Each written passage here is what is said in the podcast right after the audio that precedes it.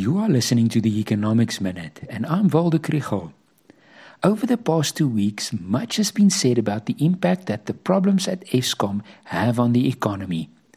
There are concerns about the growing cost of business, that costly backup power could increase inflation, and that investment and economic growth are being dampened. The ratings agency Fitch has meanwhile warned that South Africa's BB minus rating with a stable outlook does not take into account that the government might have to take over some of Eskom's debt.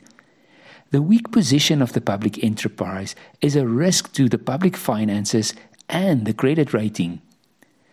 The rating matters as it affects the interest rate at which the state can incur debt.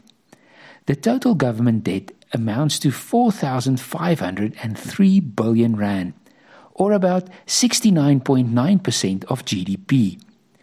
The interest on the government debt is the single largest expenditure item in the budget.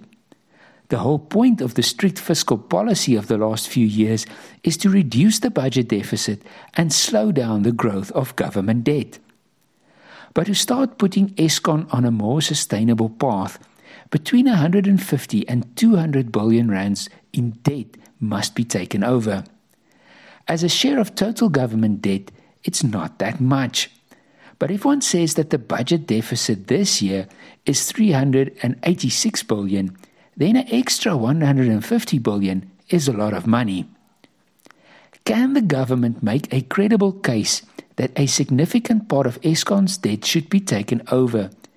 But even if the credit rating weakens, a stronger Eskom will provide enough power to get the economy growing.